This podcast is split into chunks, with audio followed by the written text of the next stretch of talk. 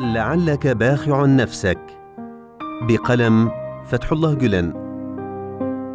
كان فخر الإنسانية صلى الله عليه وسلم قبل البعثة المباركة وبعدها مفعما بالهم متلفعا بالغم إزاء ما يرى من شقاء مادي وضياع روحي يسود البشرية كلها. الروايات تقول إنه كان قبل النبوة يعتزل الناس أحيانا ويخلو إلى نفسه متاملا في مشاكل الإنسانية المأزومة. أما عن مبلغ همه بعد أن تحمل مهمة الرسالة فينبه إليه القرآن العظيم قائلا فلعلك باخع نفسك على آثارهم إن لم يؤمنوا بهذا الحديث اسفا. هذه الآية ذات مغزى عميق يهز القلب هزا ويؤثر في صميم الوجدان.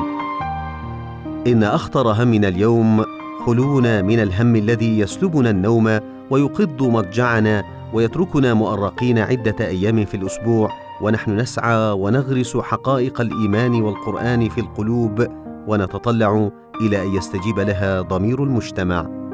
وما لم نأرق بمثل هذا الهم اليوم فسوف تنهمر علينا مهمات تحرمنا النوم غدا.